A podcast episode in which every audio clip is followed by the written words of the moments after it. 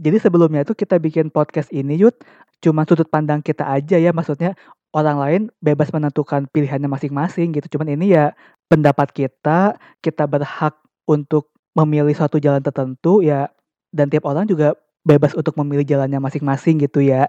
Apa yang baik untuk kita belum tentu baik untuk orang lain juga ya sebelumnya ya. Selamat malam Yuda Aditya. Weh, selamat malam. Selamat malam. Iya Podcast aja. Gila. Siap, kita- siap. Kita udah lama banget gak ketemu ya. Wah, lama banget. Kangen, Iya Pan. loh. Iya loh. Iya.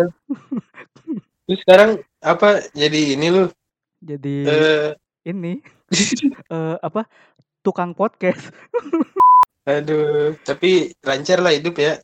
lancar sih untungnya ya. Lancar. Yuda sekarang eh, lagi sibuk apa nih?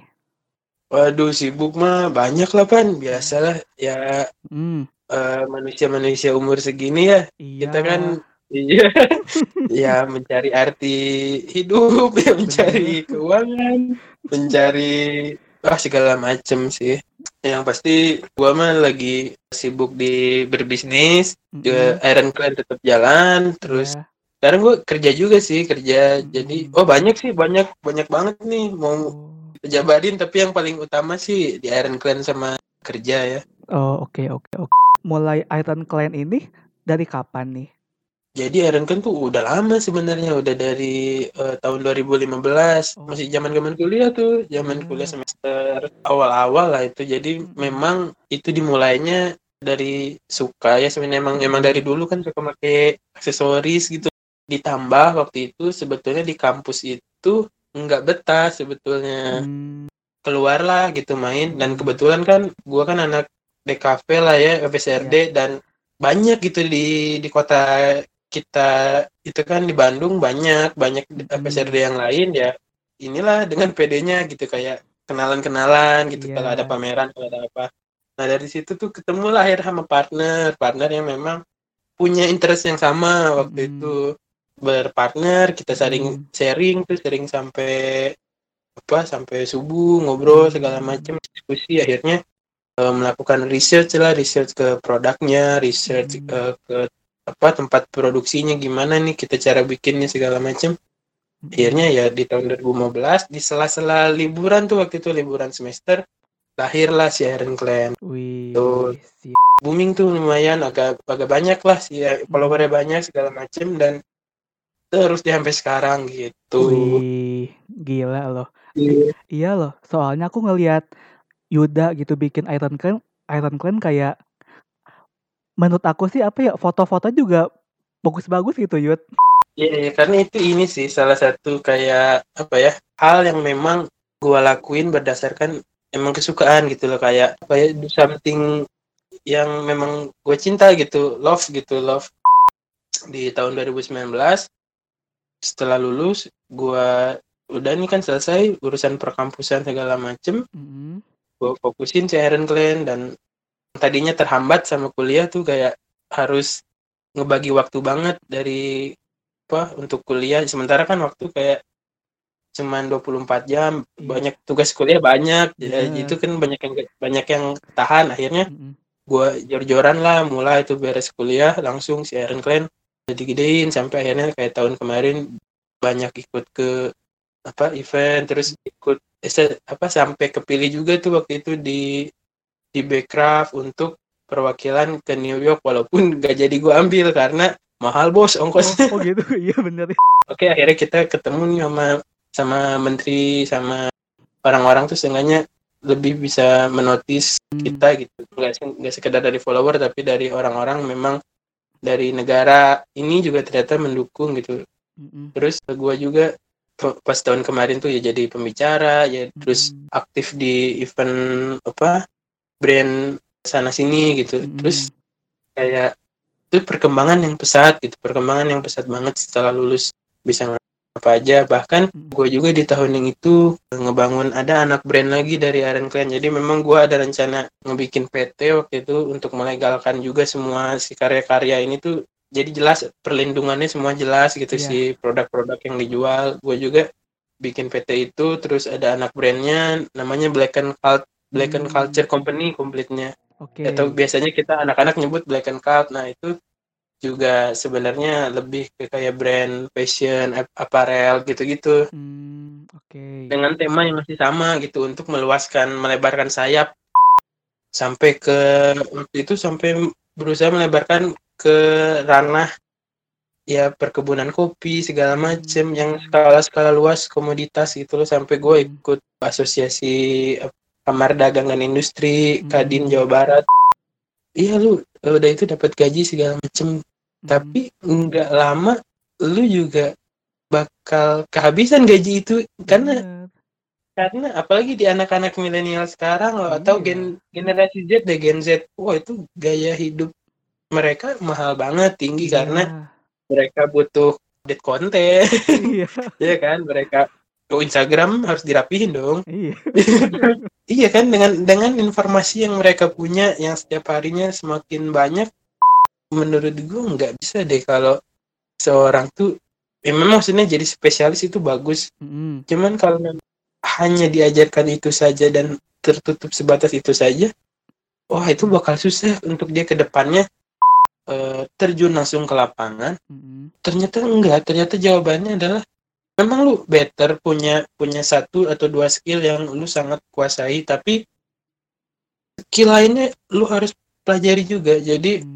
Jangan sampai cuman bisa satu dua skill doang. Jadi memang harus jadi generalis semuanya lu harus ngerti. Bener bener. entah itu skill apa psikologi skill matematika skill apa pun itu. Bahkan ke hal yang paling ya kayak ilmu yang sangat wajib tapi cukup tabu di masyarakat itu adalah ilmu finansial sih menurut Iya, gue orang-orang tuh banyak banget yang nggak bisa apa ya nggak ngerti nggak nggak tahu. Iya. bahkan bahkan mereka sendiri tidak menyadari Iya tidak loh. menyadari berapa sebenarnya kemampuan finansial mereka Bener banget Yud. Iya kan, apalagi di COVID-19 ini loh, di Iya. masa-masa COVID ini masa sulit dan akhirnya semua orang keluar tuh semua sifat aslinya Iya. dan mereka juga tahu tuh sekarang mulai sadar. Jadi ada dampak positifnya, ada dampak positifnya ini COVID ini. Jadi mereka sadar kalau ternyata mereka itu miskin. Iya bener bener loh kayak hand- apa ya Karena cicilannya banyak. handphone mewah dan mobil itu nggak akan membantu kalian gitu kan sebenarnya. Bener bener. sih. Iya. itu susah sih kayak makanya gue banyak banget tuh sebenarnya eh, orang-orang sekitar gue juga banyak yang mengeluhkan ketika COVID-19 ini Mm-mm. muncul nih udah dua bulanan lah ya dua bulanan di Mm-mm. Indonesia masuk dua bulanan itu eh, mulai kerasa lah apalagi ketika Iya. mereka yang mungkin kerjanya di mall atau sekedar karyawan-karyawan yang cuma jaga tenan gitu-gitu Iya loh. ya itu itu tuh otomatis kan kalau nggak di PHK ya dirumahkan gitu jadi gajinya di Hmm. hold sementara Iya. HP mereka iPhone 11 Pro Max bro iya bener. itu cicilan 12 bulan baru bayar Iya. dua bulan Iya loh. iya kan itu sulit sih itu itu sulit untuk untuk kita berkomentar gitu kalau Hmm, kalau gue sendiri sih ngelihat hal tersebut dan an- anehnya gitu ya anehnya Iya. banyak banget yang cerita masalah mereka tentang finansial itu ke gue Van Oh oke. Jadi banyak banget eh, yang, yang cerita eh, mereka ada kesulitan ini sangat mudah gitu untuk mereka mengatakan meminjam Iya. hutang itu sih itu jadi dan menurut gue malah itu harusnya pilihan terakhir sih pilihan Iya. terakhir untuk masalah keuangan Iya bener. Tuh. jadi itu sih Van masalah-masalah keuangan yang ada di anak-anak muda sekarang ini ya Iya, iya loh. Jadi apa ya? Kalau menurut aku sih itu lebih ke apa ya? Pola pikir yang salah dan pengendalian diri yang rendah nggak Yud? Kalau menurut Yuda? iya betul betul Iya karena ini semua permasalahannya berdasarkan individualisme masing-masing Mm-mm. Iya kan jadi memang masing-masing jadi berada di pola pikir mereka mindset yang salah Iya, itu mau financial planner sehebat apa pun juga gak bisa ngasih saran gitu iya kan gak bisa bener. apa ya tapi kalau gua sih terlepas dari masalah finansial itu ya Mm-mm. gua sendiri justru berhasil sih Pan jadi Hmm. tahun kemarin gua berhasil tuh gua berhasil untuk mengupgrade diri gitu Oh ya iya. mengupgrade pola pikir untuk melek finansial gitu bahkan gue Mhm. sendiri sempet ikut pendidikan singkat tentang financial planner gitu karena gue juga ada rencana untuk uh, pengen lanjutin lagi sih uh, Mhm. apa kuliah gitu Oh iya.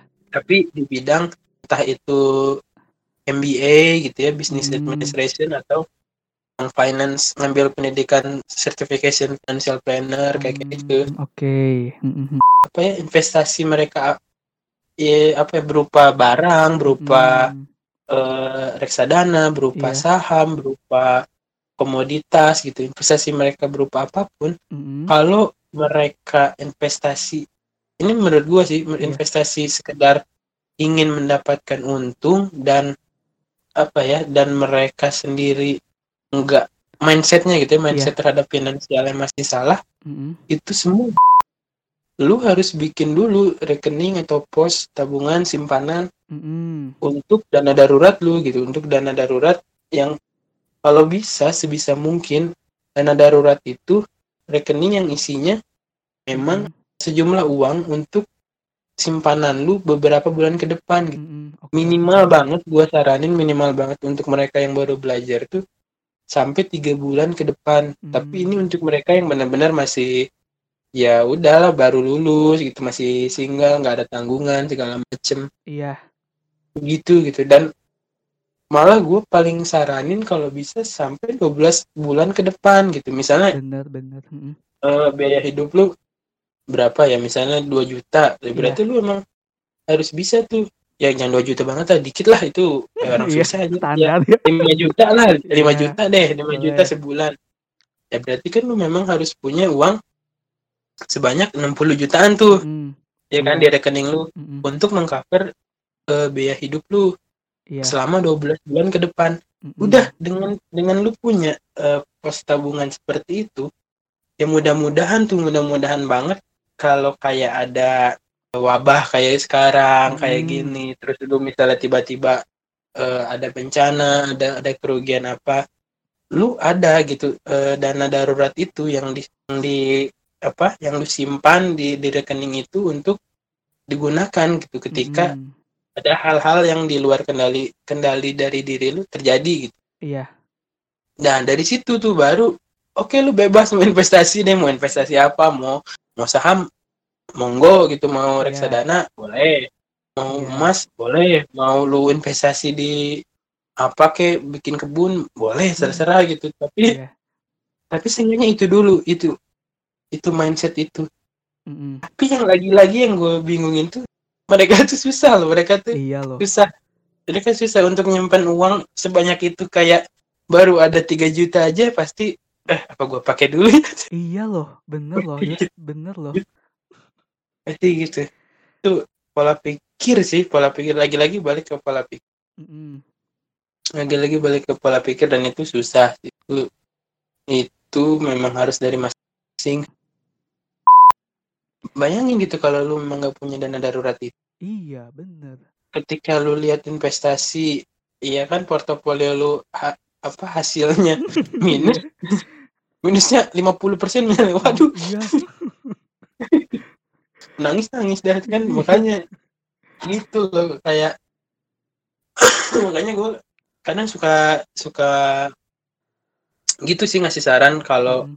eh, ke teman-teman atau ke orang-orang yang masih seumuran atau yang memang butuh panduan awal banget tuh untuk Mhm. berinvestasi segala macam ya mending itu dulu sih mending ke dana darurat dulu Bener, bener. ke dana darurat atau mending eh apa melindungi deh cover diri lu sendiri gitu dengan asuransi misalnya Mhm. ya hal-hal seperti itu gitu jadi seenggaknya sebelum kita membicara resiko kerugian dari finansial kita harus Mhm. membicarakan dulu resiko dari diri lu sendiri gitu Hmm. resiko ya aja lu tiba-tiba kecelakaan gitu-gitu loh Benar. tiba-tiba tiba-tiba ada musibah yang di luar kendali kan jadi Mhm. lu eh, ketika berinvestasi si uang itu nggak akan terganggu gitu si si aset Iya. lu tuh nggak akan terganggu Jadi terima kasih banget loh Yuda buat eh, malam ini ya. oke sama-sama lo loh. seneng banget lo ini bisa diundang sini kes aja Semoga Iron Clan semakin besar, semakin sukses, semakin bener loh, bener. So- soalnya Aku ngeliat juga kayak keren banget sih ini Iron Clan sih, Yud. Oh iya ini apa, eee, kalau Iron Clan ini ada ada Instagramnya, Yud? Wah ada dong. Instagramnya @ironclan underscore. Oke, baik baik. Sama itu ya apa, Black and Cold? Eee, Black and Cold juga ada. Jadi kalau Black and Cold Instagramnya black and black and cold.co. Oke, siap siap siap. Nanti aku cantumin di Spotify-nya ya, Yud.